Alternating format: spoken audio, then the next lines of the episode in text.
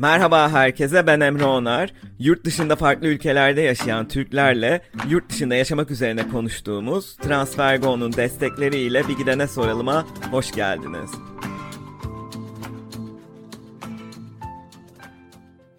TransferGo uygun kur ve düşük gönderim ücretiyle çok hızlı hatta aynı gün içinde uluslararası para transferi yapabileceğiniz bir mobil uygulama.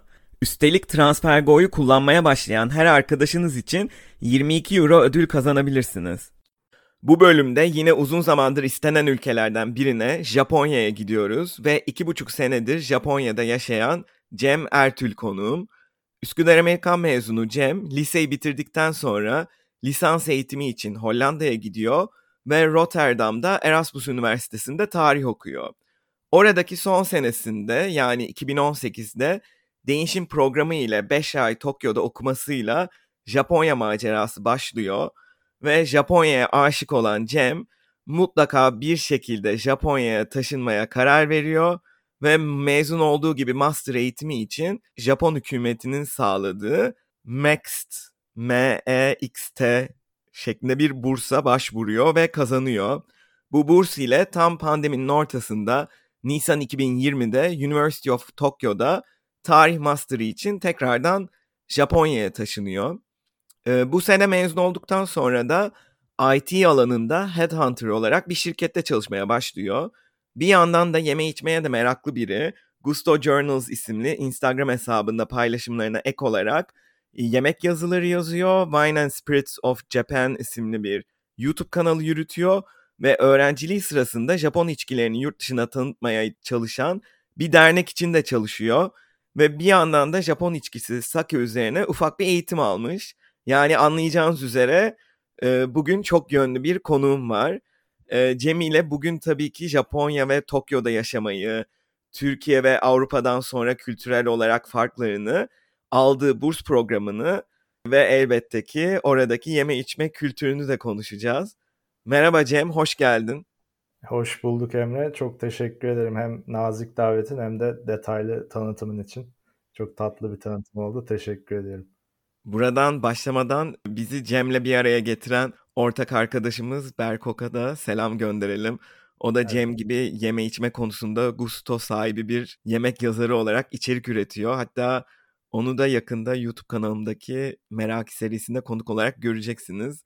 Buradan onun da minik bir teaserını yapalım. Daha çekmedik ama ee, ben ilk olarak yurt dışına taşınmandan başlamak istiyorum aslında Japonya'ya gelmeden. Çünkü şeyi merak ettim. Liseden mezun olduktan sonra hani Amerika, İngiltere gibi ülkeler yerine Hollanda'yı seçmenin özel bir nedeni var mıydı? Valla önce hani ülkeden bağımsız hani yurt dışına çıkma kararından e, biraz başlamak gerekir herhalde. E, çünkü beni bence yani hayatım boyunca yönlendiren en önemli e, duygulardan biri merak duygusu. Ben kendimi tanımlarken hep meraklı olmamdan bahsederim. E, dolayısıyla içimde böyle bir merak olduğu için de 18 sene İstanbul'da doğup büyüdükten sonra mutlaka e, yeni bir yer görmek istiyordum. E, eğitim de bunun için tabii çok güzel bir vesile. E, neden Hollanda? Şöyle e, açıkçası burada biraz dış faktörler belirleyici oldu. E, en önemlisi ekonomik faktörler. E, Amerika biraz ayrı hazırlık gerektiren bir ülke e, burs almak için. E, o zaten denklem dışıydı benim için. Çünkü ben yurt dışı kararını da biraz üniversitede ne yöne gitmem, gitmem üzerine biraz düşündükten sonra aldım. Tarih okumaya önce karar verdim. Tarih okumaya karar verdikten sonra sonraki soru işte nereye gitmeliyim? E, ben Türkiye'de de bu arada e, üniversite sınavına girdim. E, Boğaziçi'ni kazandım. Boğaziçi tarihe de kayıt yaptırdım ama e, sonra yurt dışında bakmaya başladım. Nasıl opsiyonlar üretebilirim. E, yurt dışında da işte e, dediğim gibi e, Amerika denklem dışıydı. Avrupa'da neresi olabilir? İngiltere kesinlikle doğru bir adres. Eğitim e, kalitesi sunduğu eğitim ortamı anlamında e, çok başarılı e, okullar var. Ama onların da hem burs olanakları limitli hem zaten hani sterlinin e, şeyi belli, durumu belli. Ee, Avrupa'da Hollanda biraz daha hem ekonomik olarak uygun hem İngilizcenin konuşulduğu, e, İngilizce konuşmanın yaygın olduğu, eğitim dilinin İngilizce olduğu ve eğitim kalitesinin yüksek olduğu bir ülke olarak ön plana çıktı. Biz şimdi Türkiye'de hani hep deriz Avrupa Asya arasında bir köprü İstanbul. E, hakikaten de hani Avrupa Asya kültürünü bir arada yaşıyoruz. Ama hani ben Hollanda'yı seçerken biraz daha e, madem hani bu iki kültür arasında biraz sıkışıp kaldık. Şimdi de biraz bu Batı Avrupa'nın hani Batı Avrupa'nın gerçekten o Avrupa medeniyetinin merkezine gidip o kültürü yerinde deneyimleyeyim gibi e, bir fikir oluştu kafamda. E, bir yandan açıkçası bu kararı benim için kolaylaştıran da e, ülkenin ben lisedeyken yaşadığı değişimlerdi. İşte ben 9. sınıftayken Gezi Parkı oldu. Onun arkasından ülkenin yaşadığı bir takım sosyal ve politik değişimler. Ben de hani üniversite eğitimi için Türkiye'de hiçbir üniversitenin çok uygun bir ortam sunamayacağı fikrini uyandırdı. Boğaziçi tabii ki çok kaliteli e, akademisyenlere ve çok kaliteli öğrencilere sahip ama özellikle tarih gibi politize olmaya çok yatkın bir eğitim dalı için benim için uygun bir ortam sunamayacağına kanaat getirdim. E, bu da zaten ülkeden çıkışımı kolaylaştıran unsurlardan bir tanesiydi ve e, Rotterdam'ın yolunu tuttum. Vay Boğaziçi'nde kazanmış olmana ve kayıt olmana rağmen bu kararı vermiş olman o yaş için çok olgunca bir değerlendirme olmuş. Ee, Boğaziçi'nin şu zamanki durumunu öngörmüşsün aslında. Yani o zamanlar ya şu anda da eminim hocalar belli politize edilmesini engellemeye çalışıyorlardır. Daha o dönüşüm olmadı bence Boğaziçi'nde ama evet. e, belki de ne yazık ki talihsiz gidişat o yönde olabilir. E, peki nasıl geldi sana Hollanda'da eğitim? Hani Amerikan eğitim sistemini görmüş biri olarak Hollanda'da üniversite okumak sana neler kattı? E, bir kere e, çok uluslararası bir programdı benim katıldığım program. E, yani tarih gibi bir konuyu dünyanın her yerinden gelmiş insanlarla okumak gerçekten çok keyifliydi. E, çünkü yani tarih tamamen hani nüanslardan ibaret. Siyahla beyazın olmadığı, her zaman e, bir adım geri atıp resmi daha büyütmeye çalıştığım bir eğitim dalı. E, bunu yapabilmek için farklı perspektifleri dinlemek kesinlikle çok zenginleştirici. E, böyle bir ortamı sunabilecek çok fazla okul yok dünyada. Artık Amerika'da bile hani uluslararası öğrenci portföyü işte hani belli ülkelere doğru kayıyor. İşte Çin'den çok fazla öğrenci gidiyor. Hindistan'dan çok fazla öğrenci gidiyor. Benim Hollanda'daki programımda gerçekten hani 40 kişiydik. Dünyanın hep farklı ülkelerinden e, Avrupa başta olmak üzere. Ama hani çok zengin bir e, perspektif, çok çok iyi bir perspektif zenginliği vardı ve e, bu hani cesaretlendirilen bir şeydi. Hani kendi düşünceni sun. Hani hiçbir şeyden korkmadan, e, kendini sınırlamadan kendi düşünceni bize sun, üzerine tartışalım. Bu özgür düşünce ortamı e, tarih okumak için e, birebir. Hollanda'nın da yapısı bu zaten. Çok liberal bir ülke. Dolayısıyla Hollanda'da bu öğrenci grubuyla iyi bir okulda tarih okumak akademik yönden ziyade kişilik olarak beni çok zenginleştirdi. Peki sonrasında exchange için neden Japonya'yı seçtin? Valla iki buçuk sene Hollanda'da yaşadıktan sonra hani başta demiştim ya e, Avrupa Asya arasında sıkıştıktan sonra Batı Avrupa'yı görelim. E, iki buçuk sene gördük. Ne yapalım şimdi de Asya'yı görelim. bir de resmin öbür tarafı var. E, şimdi exchange için bize bir sürü opsiyon verildi. Pek çok arkadaşım işte Fransa'ya gitti, İtalya'ya gitti, İspanya'ya gitti. E, ama Avrupa'ya gitti. Zaten 5 aylık programdı. 5 e, ay için Hollanda'dan kalk İtalya'ya taşın çok cazip gelmedi bana. Farklı bir ülke göreyim, olabilecek en uzak yere gideyim diye düşündüm. Asya'ya da ben hiç açıkçası seyahat etmemiştim. E, benim için tamamen bilinmez bir kıtaydı. E, Asya'ya baktığın zaman da Asya'da bir refah anlamında en yüksek ülke neresi? Kesinlikle Japonya. İki, e, benim için yani tarihi ve kültürel noktada zenginlik sunan ülke hangisi? E, yine Japonya. Dolayısıyla benim için çok net bir karardı aslında Japonya'yı seçmek. Japonya'ya ilk taşındığın zaman na geri dönecek olursak taşınmadan önce ne gibi beklentilerin vardı? Yani ne umdun ve ne buldun onu çok merak ediyorum. Şimdi Japonya yani aslında e, hani çoğumuz bir takım ilgiler duyarız Japonya gibi egzotik ülkelere dair kafamızda bir imaj vardır. Belki işte Japon kültürüne dair birkaç şey biliriz. Ne bileyim sushi'ye ilgimiz vardır, animeye ilgimiz vardır. Ama hani bunlarla beraber aslında Japonya gitmeyen herhangi biri için kesinlikle bir kapalı kutu. Çünkü uzak bir ülke, uzak bir kültür, farklı bir evet. kültür. Türkiye ile arasında çok etkileşim olmayan bir kültür. Yani Hollanda gibi değil. Ben Hollanda'ya da gitmemiştim ama hani adaptasyonum açıkçası çok zor olmadı. İstanbul'dan çok farklı bir ortam değil. Ama Japonya yepyeni bir ülke, e, yepyeni bir kültür. Benim için tamamen kapalı kutuydu. Kafamda bir takım fikirler vardı. Evet işte düzenli bir ülke, güvenli bir ülke, kolektif kültürü ön plana çıkaran bir ülke, yeme içme anlamında zengin bir ülke. Ama bunlar hani açıkçası benim için benim kafamda çok net bir fikir değildi. Ben asla Japonya'daki rutinimin nasıl olabileceğini hayal edemiyordum açıkçası. E, o yüzden bir hani bilinmeze girer gibi, hani bir maceraya gider gibi Japonya'ya gittim. Ve bulduğum şey de zaten hani sen e, tanıtımda belirttin. E, beni kendine aşık etti Japonya. E, kişilik olarak bana çok uygun bir ülke olduğuna kanaat getirdim. Yani yaşamımı devam ettirmek için e, çok uygun bir ülke olduğunu düşündüm. E, o zamana kadar hani dedim ya o merak duygusunun getirdiği bir e, dürtüyle hep arayıştaydım. Hani nereye gideyim, sonraki hedefim neresi olsun. E, zaten mezuniyetim de yaklaştığı için hep e, sonraki adımı düşünüyordum.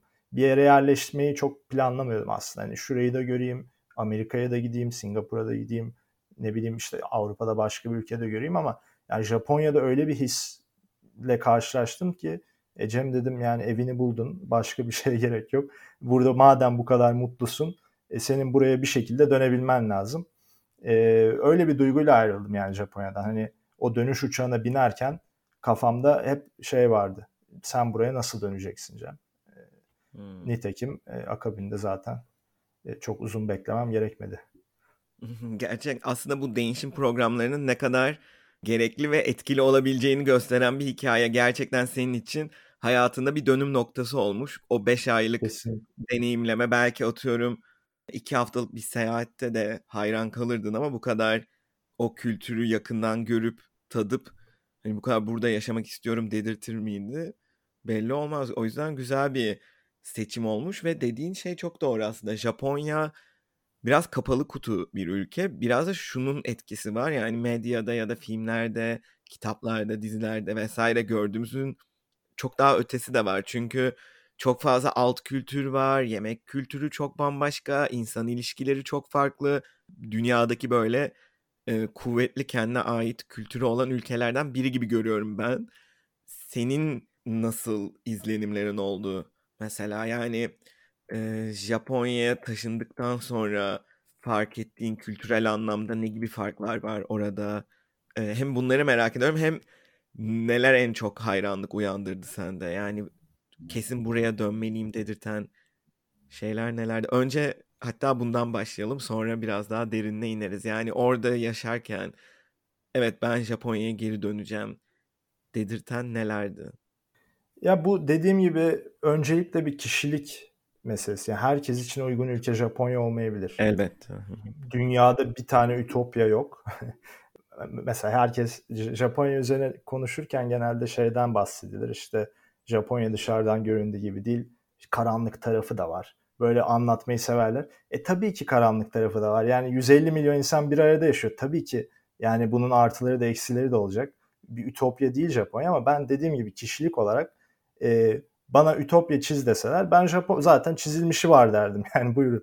E, ama işte bunu niye söylüyorum? Allah. Biraz açalım yani. Evet merak ettim. Birincisi sosyal normları e, içselleştirmiş çok insanın olduğu bir ülke Japonya.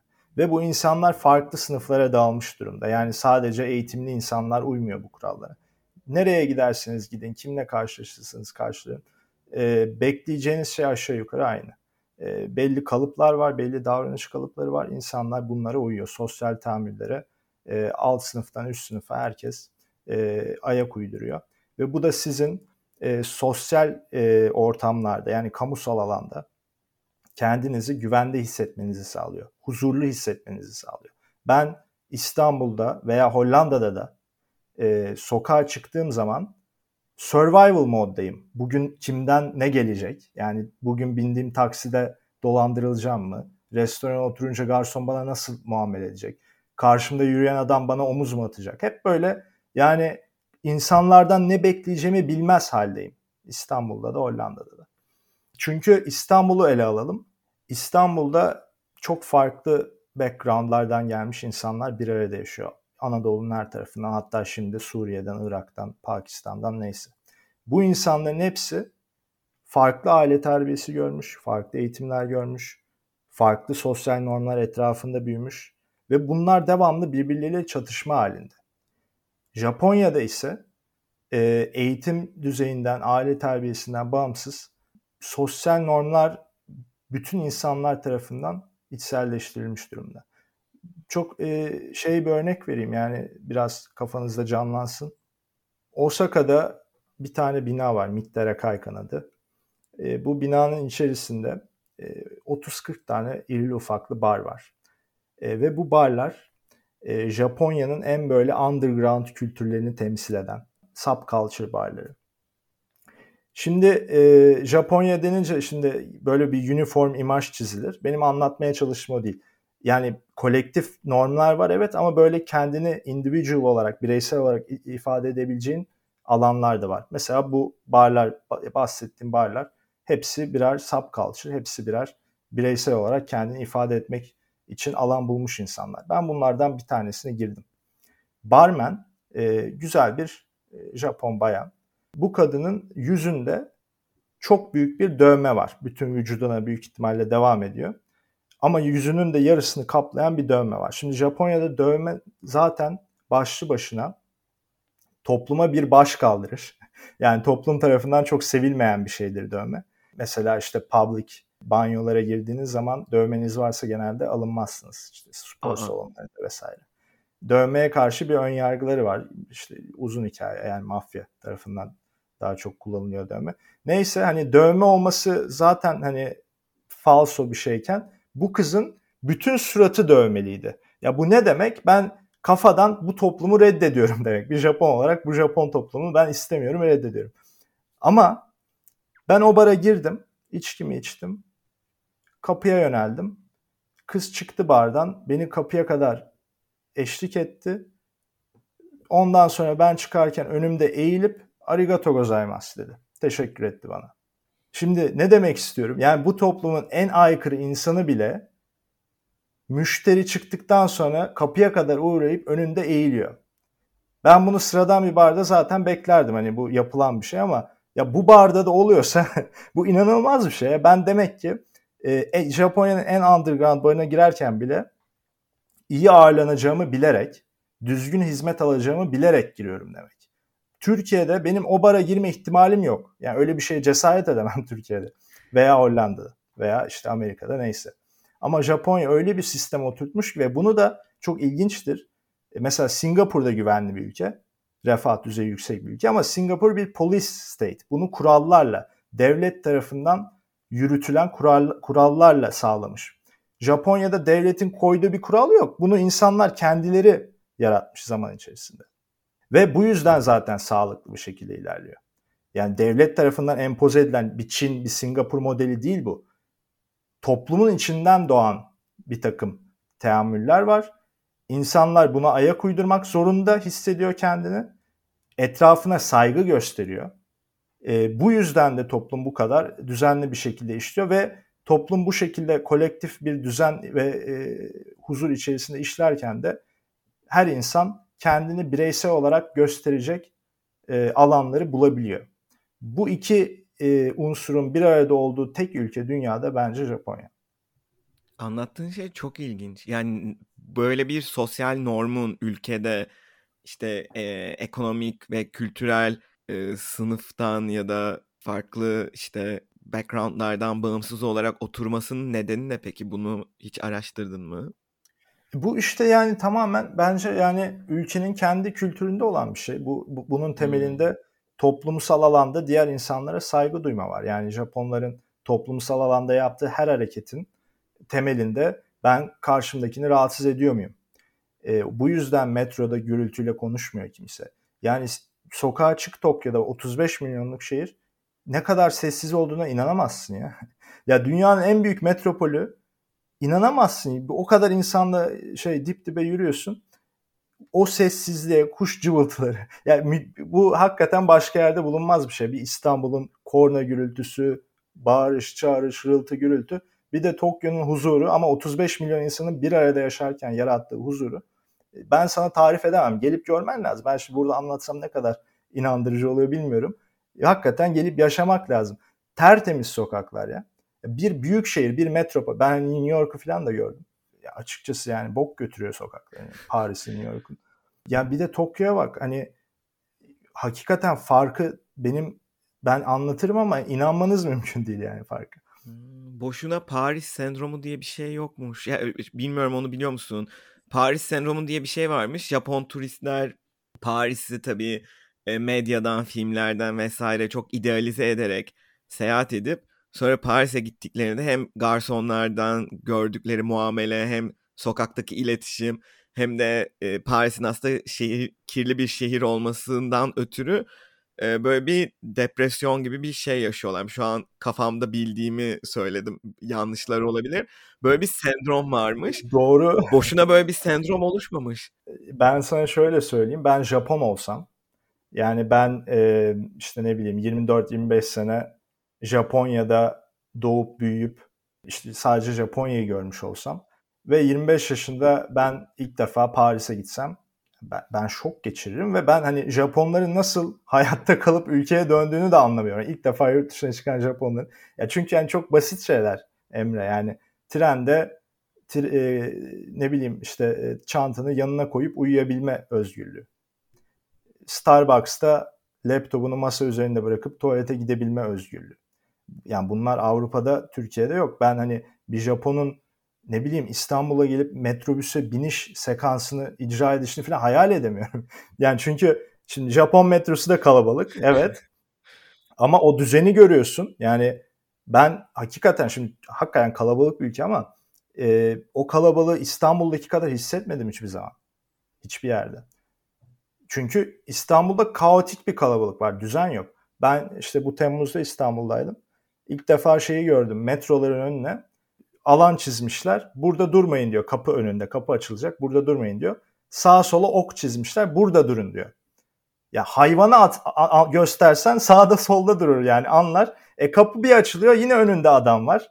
Girmeye çalışıyor sen çıkamıyorsun. Hep bir stres. Kapı açılınca önünde adam olacak mı?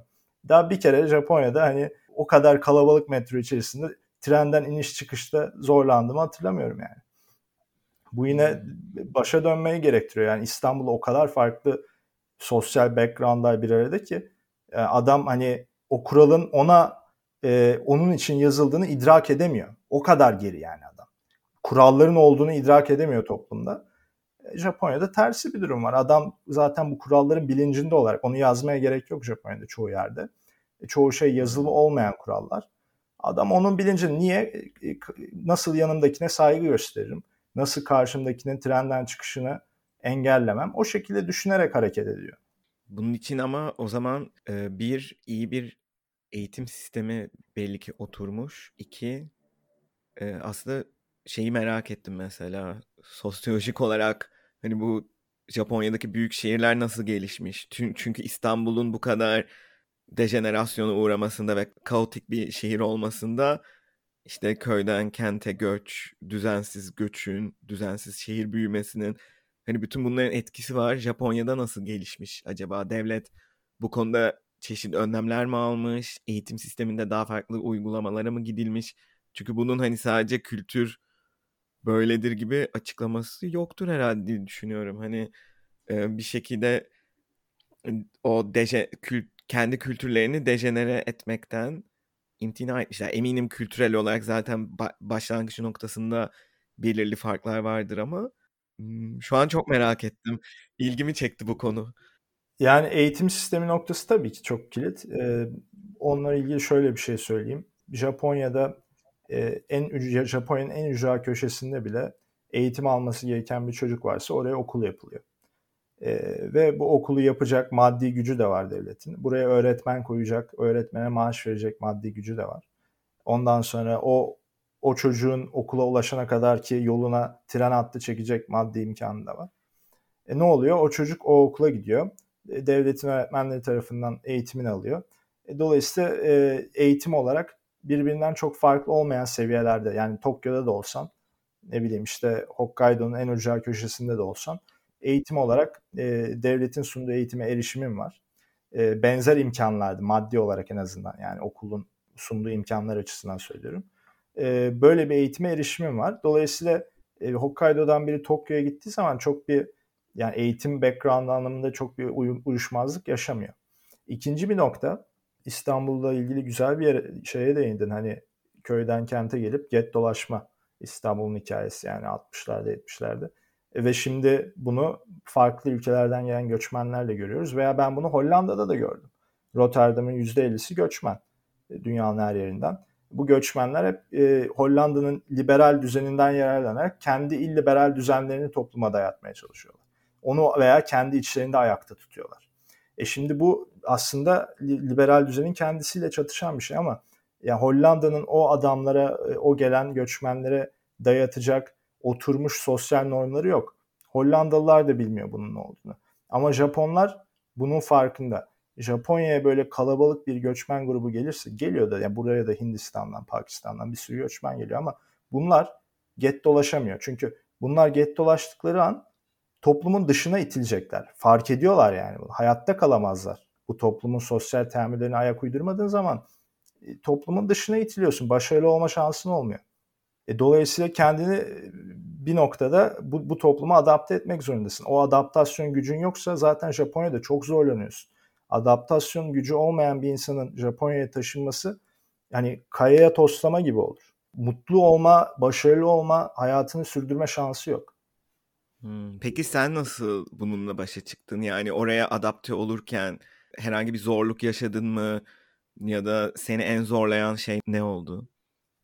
Şimdi burada şeyi ayırmak lazım. Yani adaptasyondan bahsederken ben şey demiyorum hani Japon gibi olun. Bu çok yanlış bir bakış açısı bence. Hani buraya gelen ben şeyleri de gördüm. Hani bir e, spektrumun öbür ucu gelip hiçbir şey yapmayıp zorlanıp dönen yabancılar. Spektrumun diğer ucu da ya, çok böyle ana dili gibi Japonca konuşan, böyle Japon gibi eğilen kalkan hani bütün teamülleri içine yedirmiş. Ama sonra o da geliyor diyor ki beni Japon olarak görmüyorlar. Es, yani sarışınsın, gözün çekik değil. Yani tabii ki Japon değilsin. Yani bu dışarıdan belli oluyor Japonya'da Japon olmadın. O zaman yapman gereken bir yabancı olduğunu kabul et. Yani ben bugün bir Türk olarak Türk, Türkiye'den dışarı çıktığım zaman gittiğim her yerde yabancıyım zaten. Soru şu. Ben nerede yabancı ol, olduğum için kendimi daha mutlu, konforlu hissediyorum yabancı olarak. Japonya bana bunu sunuyor ben yapmam gereken topluma biraz adım atmak, e, biraz en azından dili biraz öğrenmek, toplumsal bir takım e, teamüllerin farkında olmak, toplumdaki, kamusal alandaki diğer insanlara saygı göstermek. E bunu yaptığım an kabul etmeme şeyleri yok Japonların. Ama e, ben tabii ki Japon olamam. Yani öyle bir çabam yok. Bir Japon şirketine girip e, yani diğer Japonlarla aynı şekilde çalışıp böyle bir şey e, çabalarsam kendimi geride tutmuş olurum. E, çünkü ben Japon olamadığım gibi Japon olmadığım için de bir takım artılar getiriyorum ülkeye. Sonuçta ben Türkiye'yi görmüş, işte Hollanda'yı görmüş vesaire bir e, uluslararası bir profil olarak görüyorum. Ondan yararlanmam lazım. Dolayısıyla ondan yararlanabileceğim alanları bulmaya çalışıyorum, bulmaya gayret ediyorum. İşte o yüzden uluslararası şirkete girdim. O yüzden okulda uluslararası programda okudum gibi gibi.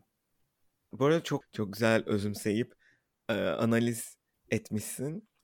Peki kapalı bir kültür olması sosyalleşmeyi zorluyor mu? Yani daha çok e, senin gibi uluslararası kişilerle yani yabancı e, kişilerle mi arkadaş oluyorsun yoksa Japon arkadaşların da var mı? Onlar kendi arkadaş çevrelerine dahil ediyorlar mı? Farklı Hı. kültürlerden gelen insanları. Valla arkadaşlık meselesi yani şöyle ben zaten hani e, yine dediğim gibi bu kişilik meselesi de ben hani genelde benim 2-3 çok yakın arkadaşım olur etrafımda. Onlar dışında çok böyle sık görüştüğüm böyle bir arkadaş çevrem olmaz. O 2-3 kişiyi ben genelde Japonya'da da yabancılardan şu ana kadar seçtim. Daha rahat oluyor. Kafam daha rahat uyuşuyor. Çünkü dediğin gibi yani çok ciddi kültürel farklar olduğu için Japon biriyle benim çok yakın arkadaş olmam açıkçası zor gözüküyor ve böyle devam edecek. Yani çok net. Ama işin bir diğer boyutu da şu. Ben mesela ben tek başıma seyahat etmeyi çok severim. Ee, ben Japonya'da tek başıma seyahat ettiğim zaman mesela en son kuzeye gittim. Biraz küçük şehirler çok turistik de değil. İşte gün, bir günde yaptığım şey şu. İşte gün içerisinde sightseeing, işte ünlü binalara vesaire gidiyorum. Akşam bir izakaya seçiyorum. Japon meyhanesi. Oraya giriyorum. Oradan çıkıyorum bir veya iki bara gidiyorum. Evime dönüyorum, uyuyorum. Bu girdiğim yerlerde istisnasız hepsinde diğer müşterilerle arkadaşlık kurabiliyorum.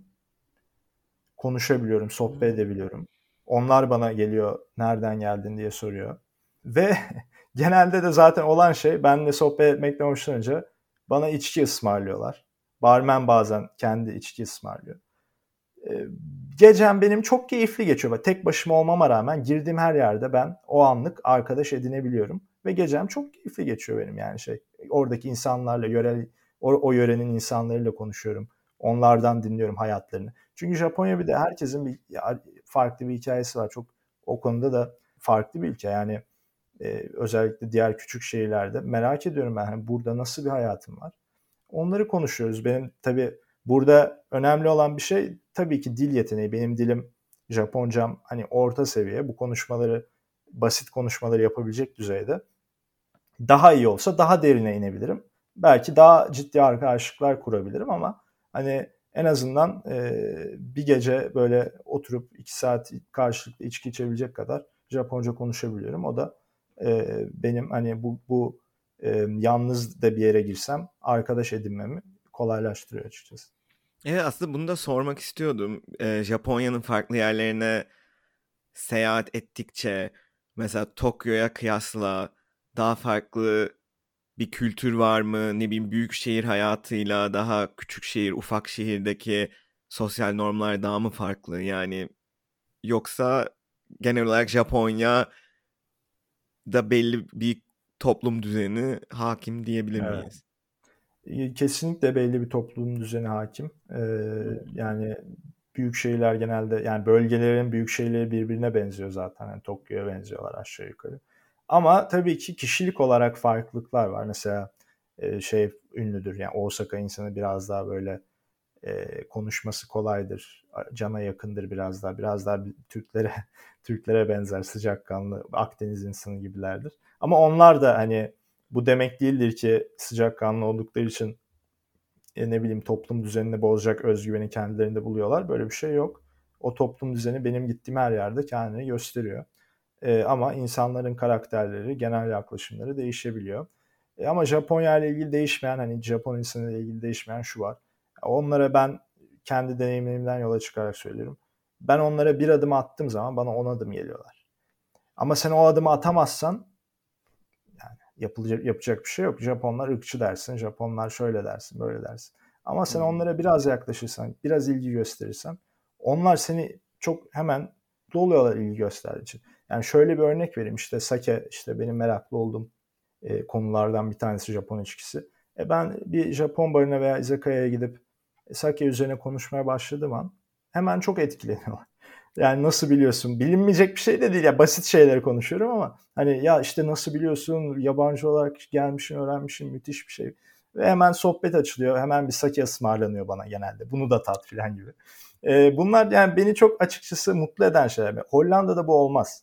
Ben Hollanda ile ne bileyim Hollanda'nın tarihiyle ilgili bir anekdot paylaşsam, yemeğine içme, yemek içmesiyle ilgili bir şey söylesem, Hollandalılar bunu çok da önemsemez zaten gelmişsin, beklerler senin bir şeyler öğrenmeni. E, o da senin motivasyonunu kırar ve yani ne bileyim genel hissiyatını düşürür. E ben Japonya'da her dışarı çıktığımda sıcak karşılanıyorsam e bu benim genel hayat motivasyonumu arttırıyor. Ben ne zaman bir yere çıksam otursam mutlu oluyorum. Karşımdaki insan beni mutlu ediyor genelde. Bu çok özel bir duygu ve bunu ben zaten Türkiye'de bulamıyorum. Ee, Avrupa'da da bulamadım. E, Japonya'da buldum. O yüzden de Japonya'da kaldım zaten. Ve bu hani bana şey de çok denildi işte 5 ay ben gittim döndüm. Ya işte 5 ay exchange tabii ki güzel geçecek. Orada yaşayınca farklı olur. E, iki buçuk senedir buradayım. Ya yemin ediyorum her gün daha çok seviyorum. Yani 10 sene sonra tekrar yapalım konuşalım yani bunu. Ama ben değişeceğini düşünmüyorum. Bir insan hani kişilik uyduğu zaman uyuyor. Sen tam kendi aradığın ülkeyi o zaman bulmuşsun ve uzun vadeli orada kalmayı da istiyorsun, planlıyorsun anladığım kadarıyla. E, vallahi Emre yani şey hayat ne gösterir? yani kesin konuşmamak lazım. Ben uzun vadeli plan yapmayı sevmiyorum. Kısa vadeli plan yapıyorum. Ama ee, içinden çünkü... geçen sanki. E tabii işte, işte dediğim gibi yani içimden geçen burada kalmak ama uzun vadede ne olur? Türkiye nereye gider? Ailevi durumlar olabilir. Türkiye'de ailem orada sonuçta. Yani burada işle ilgili bir takım durumlar oluyor. Bunları ben bunları bilemem ama ben bana sorarsan Cem nerede mutlusun? Ben hala Japonya'da mutluyum. Yani soru bu bence. Cem hala Japonya'da mutlu musun? Ben hala Japonya'da mutluyum. Peki iş hayatına girmek bazı şeyleri bakış açını değiştirdi mi? Yani ne bileyim oradaki yani uluslararası bir şirket bile olsa sonuçta ne bileyim Japon yöneticilerin var mı bilmiyorum ama iş dünyası dinamikleriyle oradaki ne bileyim öğrenciyken yaşadığın dinamikler daha mı farklı? Tabii ki yani hayatın akışı değişti. Yani hayatın rutini değişti ama şu anlamda bence olumlu oldu. Ee, mesela yurtta kalıyordum ben iki senedir. Ee, önce Tokyo Üniversitesi'nin yurdunda sonra yabancı öğrenci için bir yurtta. Yani güzeldi yaşam koşullarım kötü değildi de yani sonuçta bir yurtta kalıyorsun. Geçici bir lokasyondasın. Biliyorsun yani geçici olduğunu. E şimdi e, maaş almaya başlayınca tabii ilk defa ve öğrenciliğim de bittiği için tabii ki ilk defa hani eve ev tutmam gerekti kendime. E şimdi artık bakıyorsun yani bir hayat kurma aşamasındayım Japonya'da. Yani düzenli işte maaş alıyorum, kiramı ödüyorum, ev al, ev tuttum, mobilya aldım ilk defa hayatımda gibi gibi. E, burada hani gittikçe kendi evini kuruyormuş gibi hissediyorsun. Ben mesela bunu Hollanda'da hiç hissedemedim çünkü e, hep yani 3 sene sonra zaten bitecek program. Sonrası belirsiz. E, zaten hep sık sık Türkiye'ye dönüyordum. İşte yazın okul bitiyordu. 2 ay ben Türkiye'ye dönüyordum. E, ne bileyim yılbaşı Türkiye'ye dönüyordum. Bir ay gibi. Ya Hollanda'da böyle çok hani hiçbir zaman Hollanda'da yerleşik bir hayatım var gibi hissetmedim ben açıkçası. E, Japonya'da da dediğim gibi sonuçta öğrencisin okul bitecek ama şimdi artık yani bir, bir hani burada bir kavram vardır Japonya'da şakayjin denir. E, hani sosyal hayata atılmış yetişkin anlamında yani çalışan işi olan yetişkin anlamında. Artık burada yetişkin oldum. İşte e, anladım mı demek istedim. Kendi yuvamı kurdum yani burada. Bu demektir ki burada artık bazı şeyler kalıcılaşıyor, bazı temeller atılıyor. Ee, burada artık rutinlerim oturuluyor. Ben mesela Hollanda'dayken en çok özlediğim şeyler e, Türkiye'deki rutinlerimdi. Yani işte hmm. sabah oturup ailemle beraber kahvaltı yapma mesela. Orada kahvaltı yaparken önümde şey ne bileyim NTV Spor izleme falan. Yani çok basit şeyler böyle anladın mı? İnce detaylar. O rutinler tabii kayboluyor yurt dışına gidince. Ee, ama şimdi geçici bir yere gittiğin zaman o rutinleri özlerken Japonya'da veya X bir yerde yeni bir hayat kurmaya başlayınca fark ediyorsun ki eski rutinleri özlemek yerine kendine yeni rutinler edinmeye başlıyorsun ve bu ülkenin gerçeklerine uygun rutinler edinmeye başlıyorsun. E, bunu yapmaya başladığın zaman da zaten artık hani evin burası olmuş. Artık burada bir şey değilsin. Hani burada bir geçicili geçiciliğin yok. Hani burada artık oturmuş hayatın. Onun farkında olunca da hayatın daha düzenli, daha akıcı şekilde ilerlemeye başlıyor. E bunu birçok konuğum aslında söylüyor. Yurt dışına taşındığınızda hani bir yere adapte olmak için de en önemli şeylerden biri yeni rutinler oluşturmak. Hani bu konuda dinleyenler böyle adaptasyon tavsiyesi olarak genel olarak bunu söyleyebilirim. Yani bu Japonya için de geçerli, Almanya, Hollanda vesaire için de e, yeni bir rutin oturtmak önemli bir tavsiye. Evet kesinlikle yani rutin konusu ve dediğim gibi ülke gerçeklerine uygun rutin. Yani ben yani yine şöyle örnek vereyim. Sabah kahvaltı rutini olarak o çıktı karşımıza. Kahvaltıda ben işte peynir, zeytin, simit, ekmek. Böyle bir yani güzel hani serpme kahvaltıya yakın kahvaltı çok severim. E, Japonya'da peynirle zeytin pahalı. Yani iyisini bulmak zor ve pahalı yani ne yapayım her gün yemiyorum. E ne yapıyorum ben de? E, Japonya'da ne yeniyor acaba sabah kahvaltısı? Onu biraz ada, şey yapabilir miyim? Kendime alabilir miyim? Tabii ki arada yine çıkıp peynir alıyorum. Bu sabah güzel ilk defa şey aldım. Yeni bir peynirci buldum. E, güzel Fransız peyniri aldım. Güzel baget ekmek aldım. Avrupa'ya bir kahvaltı yaptım. Biraz pahalıya patladı. Ama hani arada bunları da yapıyorum. Ama genel olarak e, onu özlememi, onu özlemeyecek şekilde başka onun yerine ne koyabilirim? Buradaki şeylerle biraz ikame etmeye bakıyorum açıkçası. Peki senin yeme içme alanında yemek kültürü anlamında en etkileyen şeyler neler oldu? Şimdi birincisi aslında Japonya'yı işte özel kılan şeylere bir giriş yaptık. Sosyal normların öneminden bahsettik. bu ülkede şöyle bir durum var. E, bir işi yapan insan kendi içerisinde o işi en iyi şekilde yapma duygusu taşıyor. Mükemmelliyetçiler. Hmm. Ve işinlerini çok iyi yapmalarına rağmen hiçbir zaman ben oldum demiyorlar. Dön Türkiye'ye bak. Yani bir sokak röportajına çıkalım. Konuşalım yani insanlarla. Ben en iyisiyim. Ben şurada en iyiyim. Bizim ülkemiz şöyle en iyisi. Mutfağımız en iyisi. Geçin abicim. Bak burada yani ben daha şeyi duymadım Japonlardan. Bizim mutfağımız en iyisi diyen bir Japonla tanışmadım ben. Ben ya inanılmaz barmenlerin elinden kokteyl içtim. İnanılmaz yemekler yedim inanılmaz şeflerin elinden. Ben en iyi sushi şefiyim. Ben en iyi işte et pişiricisiyim. Ben en iyi barmenim diyen bir insanla tanışmadım. Hiçbir zaman ben oldum demiyor bu adamlar. Her gün daha iyisini yapmak üzere devam ediyor. Ve bunu nasıl yapıyor?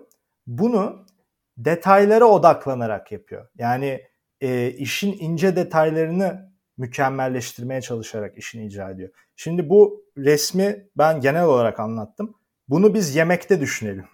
Böyle bir mentalite var ve bunu sen mutfağa koyduğun zaman ve bunu Japonya'daki malzeme çeşitliliğiyle harmanladığın zaman bu ne demek?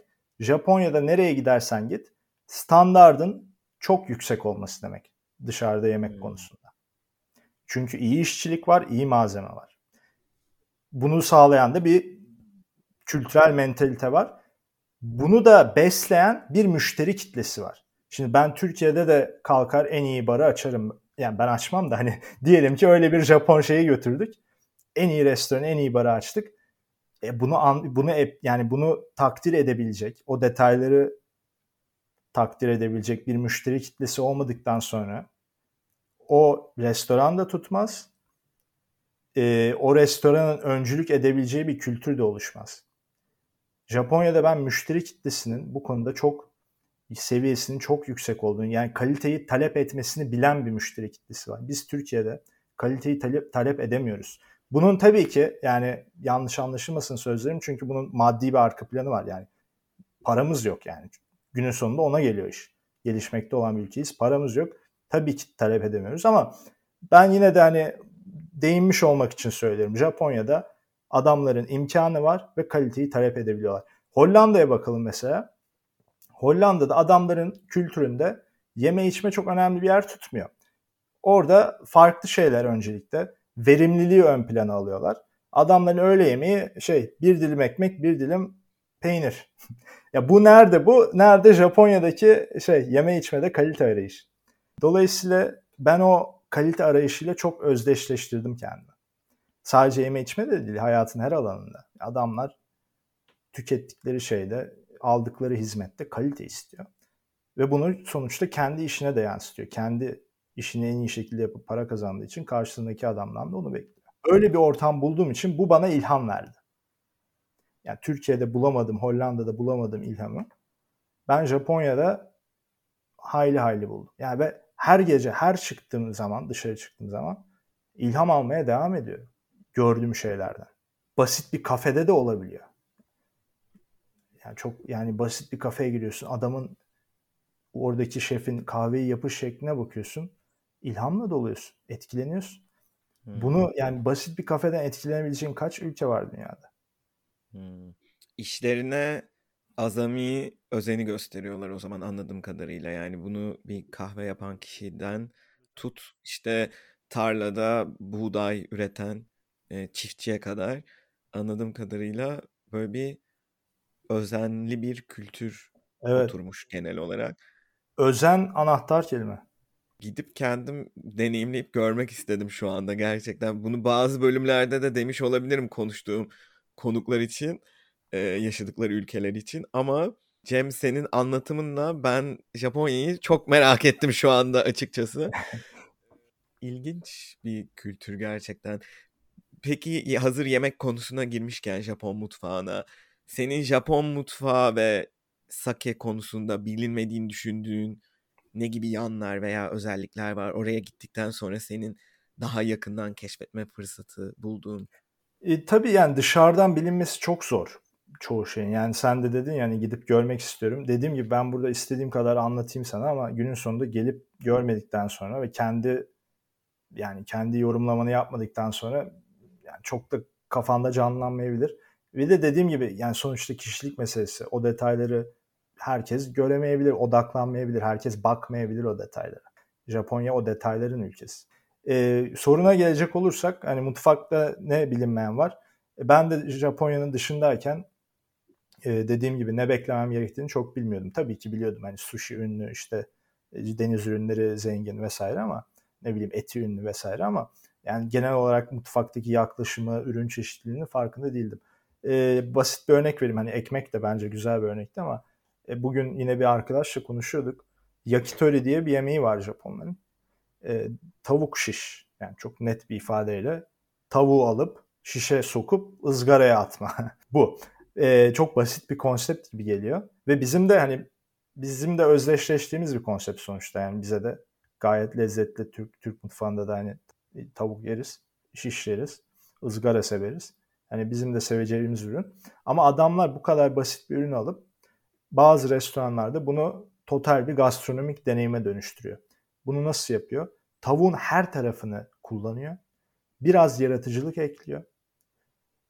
İnce detaylar, işte çanak çömleğin güzel oluşu, e, dekorasyonun güzel oluşu, açık mutfak oluşu, şefi izleyişin. İkincisi yemekle ilgili ince detaylar. İşte kömürün kalitesi. Kömürün kalitesi ya. Türkiye'de sen hiçbir kebapçının kömürü anlattığını gördün mü? Ee, kömürün kalitesi, ızgaranın yapısı, temizliği. Ee, ondan sonra hayvanın zaten kendi kalitesi. Ben hani sadece Türkiye'de değil genel yani Japonya'daki tavuğu yedikten sonra dünyadaki tavuklardan zevk alabileceğimi düşünmüyorum. Türkiye'deki tavuklar bence hayli hayli çok kötü duruma gelmiş durumda. Yani Türkiye'de kalite olarak bir tek kuzumuz kaldı bence. Ee, yani tavuk felaket durumda Türkiye'de. Japonya'daki tavuk bambaşka bir seviyede. Ve bu tavuğun sadece butunu değil, her yerini kullanıyorlar.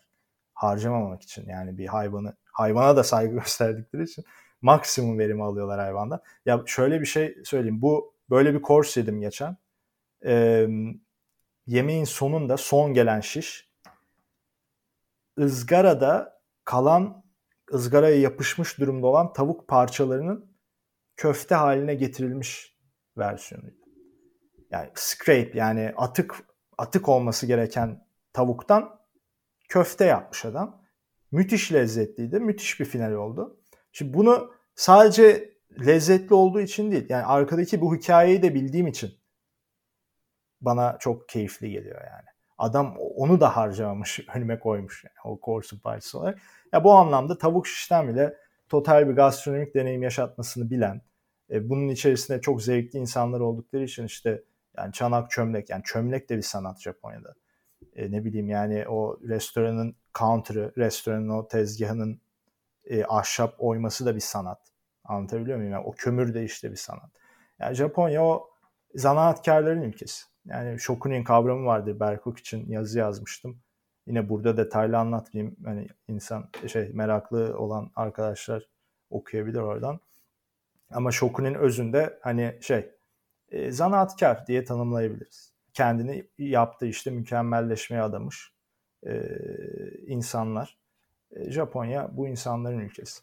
Bize de yani buraya gelen bir yabancı olarak bunun keyfini çıkarmayı öğrenebilmek kalıyor bence.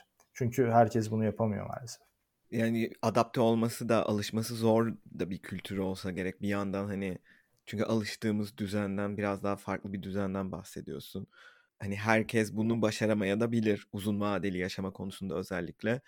Ee, o yüzden şeyi de merak ettim aslında yani olumlu yanlarından bahsettik ama orada hayatın olumsuz yanları neler? Yani seni mesela zorlayan yanları oldu mu, oluyor mu?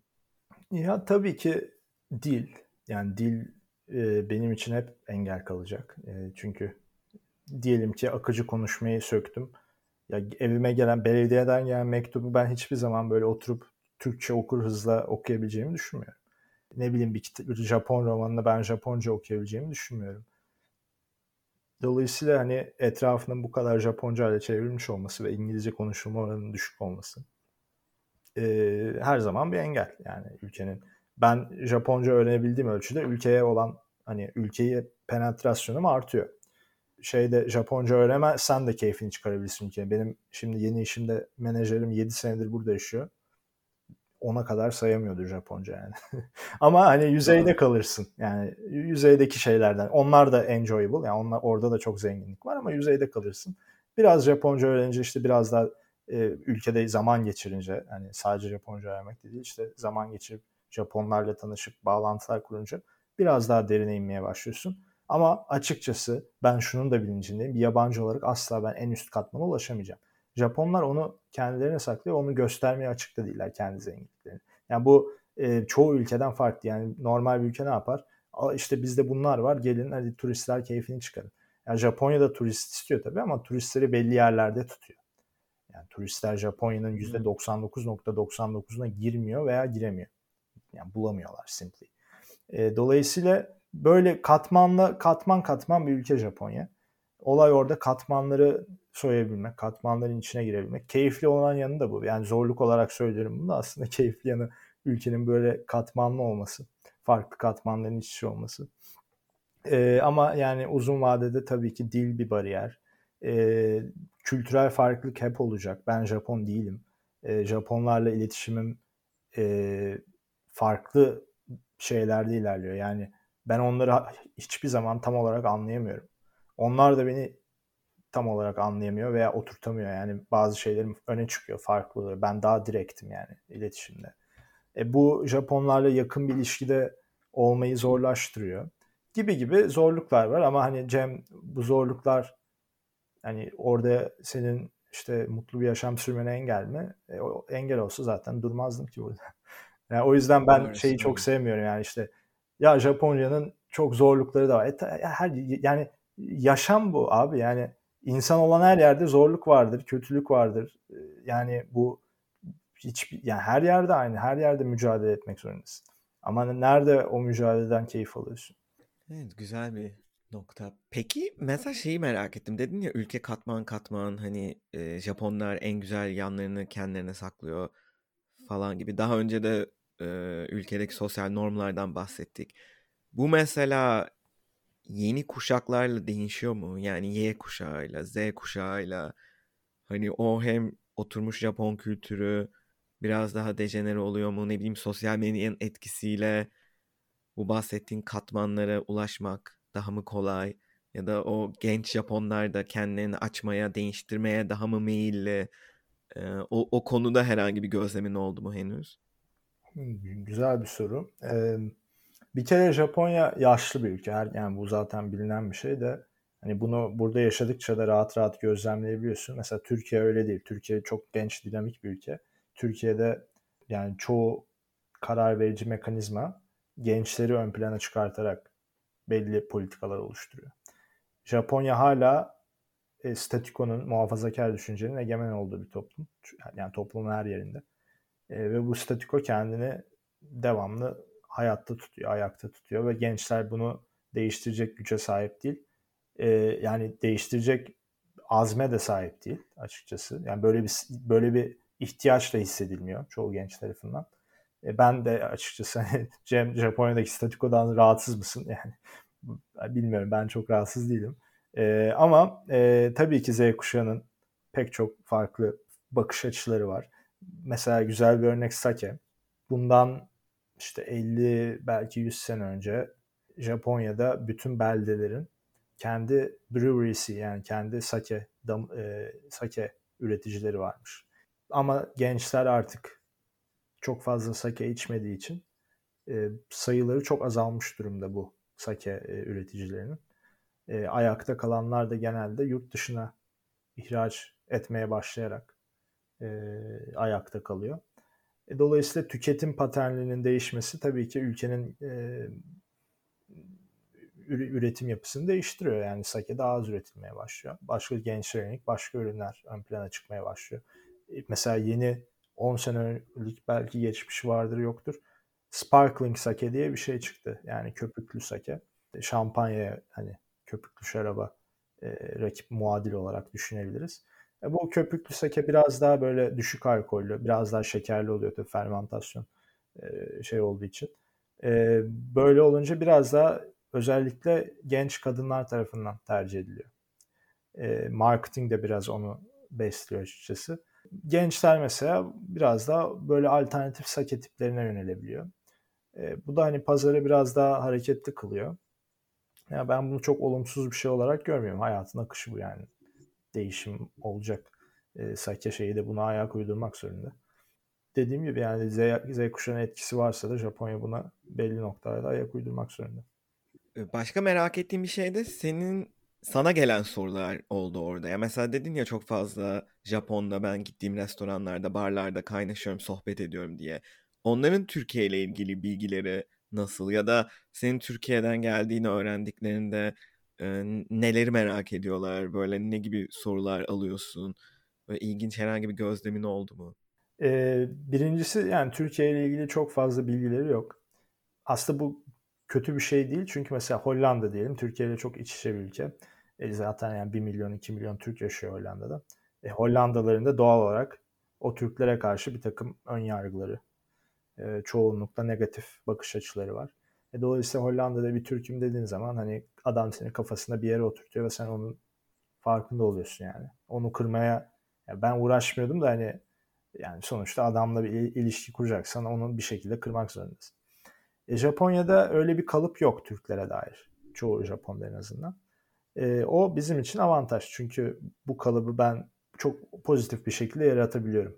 Yani kendimi biraz sevdirip adamlara adamın kafasında olumlu bir Türkiye imajı bırakabiliyorum.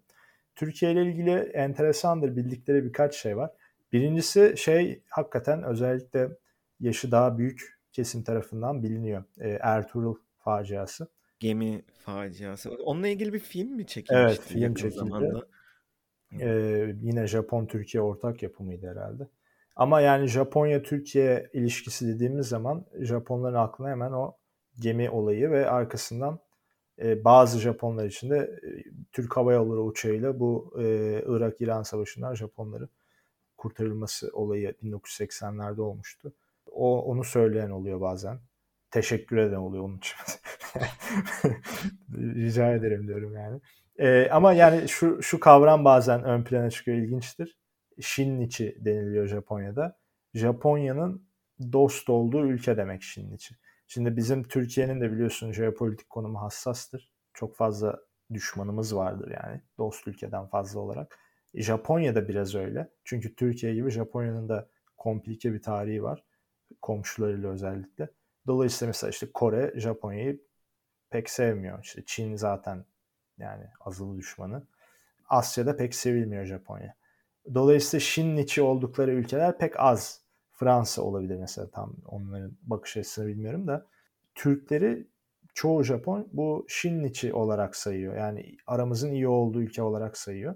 Bu benim hoşuma gidiyor. Güzel bir detay bence. Ee, ikincisi yine biraz daha gençlerden e, karşılaştığım bir durum. Toruko Ice dedikleri e, Maraş dondurması. yani Japonya'da nedense çok popüler. Yani ben Türk'üm deyince aa Toruko Ice'ı işte dondurmanız ünlü. Ben de şaşırıyorum yani Hollanda'da mesela Maraş dondurması ünlü değil.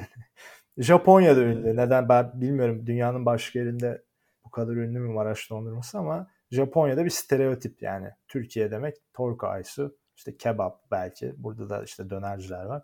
Onun dışında çok bir şey bilmiyorum. Yani Kapadokya'yı bilen çok oluyor. Gitmiş olan oluyor bazen.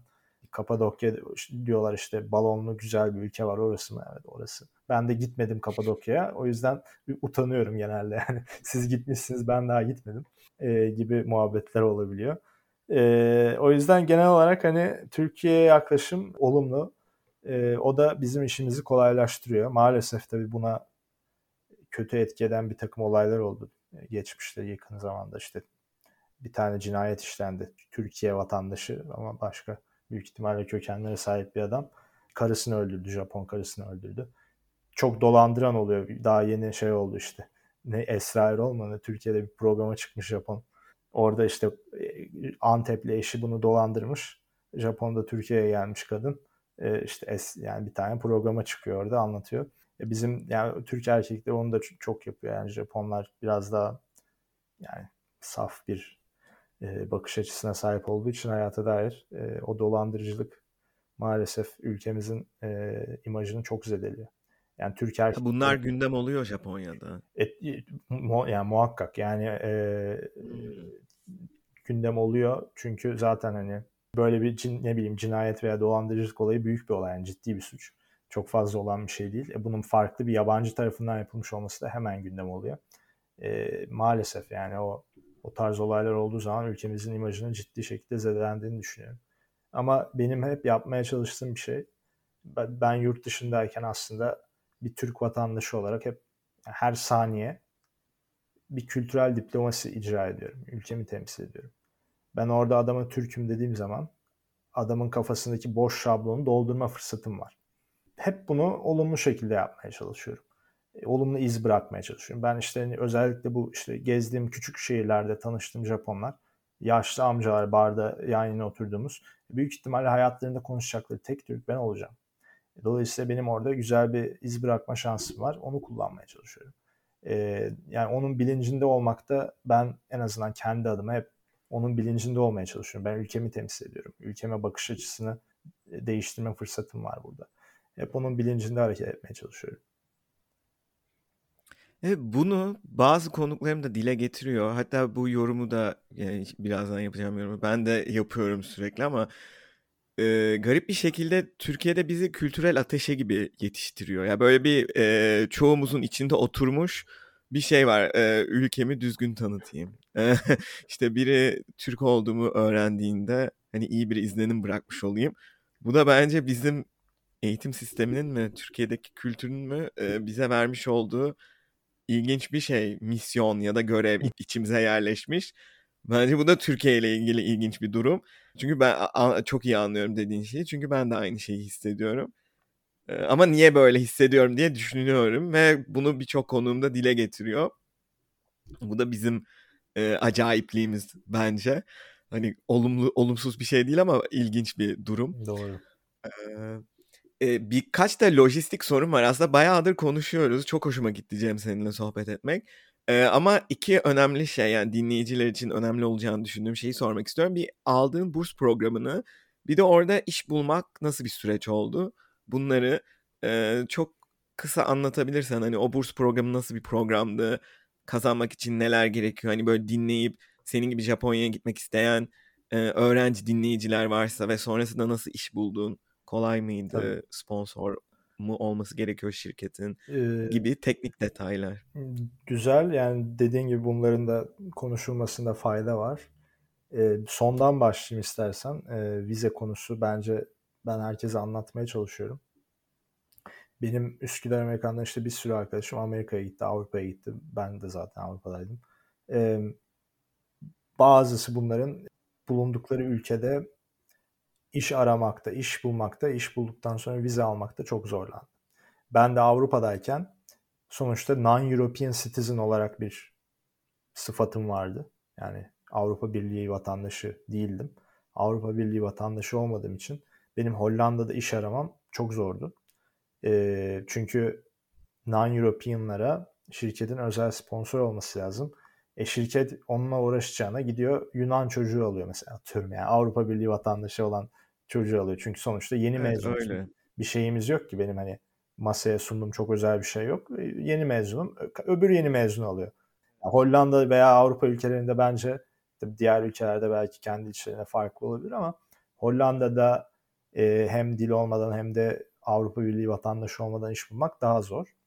E, Amerika'da işte vize zaten hani başkaları onu daha detaylı anlatır. E, zor bir süreç yabancılar için. E, İngiltere bilmiyorum büyük ihtimal zordur. Japonya bence iş vizesi oku, okuduktan sonra iş vizesi almak için en yani kolay demek istemiyorum ama hani en e, rahat yine aynı oldu. e, rahat ülke. Şöyle rahat. E, Japonya student vize ile geliyorsun. Okulunu bitiriyorsun. iş aramaya başlıyorsun. E, iş bulduğun zaman şirketler şeyi düşünmüyor ya ben sana sponsor olacağım bu bana külfet. Bunu düşünmüyorlar. Çünkü bir külfet değil. Kolay bir şey. E, yabancı da almak istiyor şirketler. E, çünkü yani talent shortage var. Yani Japonya'da yeteri kadar iyi mezun çıkmıyor. E, zaten yabancıya da açıklar. Yabancı da almak istiyorlar. Arıyorlar harıl harıl. E seni bulmuşlar. Senin o eğitimin var Japonya'da iyi bir üniversiteden çıkmışsın. e, senin o vize iş vizesine döndürmen çok kolay oluyor iş bulduktan sonra. E, dolayısıyla o bürokratik şey yani çok büyük engel değil. İş vizesi alıyorsun kolay. İş vizesi aldıktan sonra da e, işte 5-6 sene çalıştıktan sonra permanent residency veya vatandaşlık alması da bence anladığım kadarıyla e, Amerika'dan Avrupa'dan falan çok daha rahat. Ama tabii o aşamada değilim daha. Daha önce iş vizesini aldık. E, tabii ki iş aramanın kendi içerisinde şu zorluğu var. Dil durumun. Bu çok kilit. E, ben Japoncam, benim Japoncam e, iş düzeyinde olmadığı için e, benim seçeneklerim çok limitli oldu. O limitlisi zaten yani o yüzden IT recruiter'lığı yapıyorum yani çok hani biraz e, izleyiciler oturtamayabilir, dinleyiciler oturtamayabilir. Hani bu çocuk neden IT alanında headhunter'lık yapıyor? Neden? Çünkü İngilizce yapıyorum bu işi. Yabancı bir şirkette yapıyorum. Yabancı insanlarla çalışıyorum. Japon kültürünün olmadığı bir şirket, hiyerarşinin olmadığı bir şirket. Anglo-Sakson kültürünün, benim daha alışık olduğum bir kültürün hakim olduğu bir şirket. E, o yüzden yani bu işi tercih ettim. Ama hani eğer Japonca biliyor olsam, Japonca öğrenmiş olsam iş düzeyinde e, daha farklı seçeneklerim olabilirdi iş arama anlamında. E, dolayısıyla Japoncanız yoksa iş bulmak e, yeni mezun olarak zor oluyor açıkçası. Öyle bir işin gerçeği var. Diğer gelecekler için de bazen şey olabiliyor. Ne bileyim dil okuluna gelip sonra işte adam zaten bilgisayar mühendisidir mesela. Dil okuluna gelirsin. Önce öğrenci vizesi. Arkasından e, Japoncan olmadan belki o alanda iş buluyor olabilirsin bilgisayar mühendisliğinde. Mühendis hep arıyorlar çünkü Hindistan'dan öyle gelen çok var. E, burs, Max bursu dinleyicilere şöyle e, tarif edebilirim. Amerika'nın Fulbright bursu belki konuşulmuştur bu programda da bilmiyorum. E, bazı dinleyiciler aşina olabilir. E, yani Fulbright bursunun Japonya versiyonu diyebiliriz. Japon hükümetinin verdiği bir burs e, büyükelçilik aracılığıyla başvuruyorsun. Yani okula başvurmadan önce bursa başvuruyorsun. E, burs tamamen e, şey bütün eğitim masraflarını karşılıyor, uçağını karşılıyor. Bir de sana 1500 dolar her ay e, maaş veriyor okurken. Dolayısıyla çok hmm. rahat, çok kapsamlı bir burs. Seni yaşatan e, bir burs Japonya'da. E, ama bu böyle olduğu için de çok rekabetçi bir burs.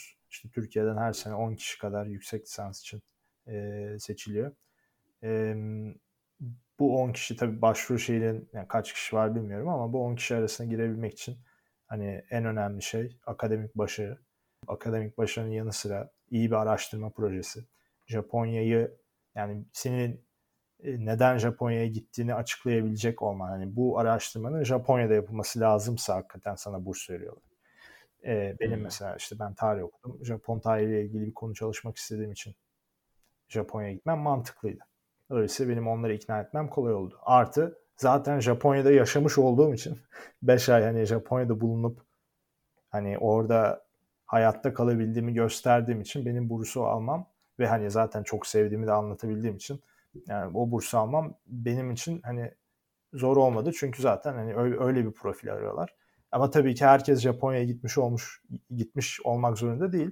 Fakat bence baktıkları önemli bir şey Hani biz e, tamam bu çocuk işte Japonya'yı seviyor filan ama Japonya'da yeni bir kültürle karşılaşınca hayatta kalabilir mi? Orada devam edebilir mi? E, onun için de işte adaptasyon yeteneğinizi gösterecek bir takım doneleriniz var mı? İşte exchange yapmış mısınız? Yurt dışı deneyiminiz var mı? Seyahat etmiş misiniz? Ne bileyim tek başınıza yaşamış mısınız? Gibi gibi e, donelere bak baktıklarını düşünüyorum onları sağladıktan sonra e, tabii ki başvurmalarını öneririm arkadaşlar. Çünkü eğitim için güzel bir ülke Japonya. Dediğim gibi e, iş vizesi bulmak vesaire de diğer ülkelere göre bence daha kolay. O yüzden Japonya'nın hani pek çok kişi uzak olduğu için düşünmüyor ama Amerika'ya giden niye Japonya'yı uzak buluyor anlamış değilim açıkçası. E, aynı uzaklıkta yani Amerika ile baktığın zaman. E, dolayısıyla Japonya'nın bence daha çok radarda olmasında fayda var Türk öğrenciler için. Ben de zaten bunun için bir takım çalışmalar yapmaya gayret ediyorum.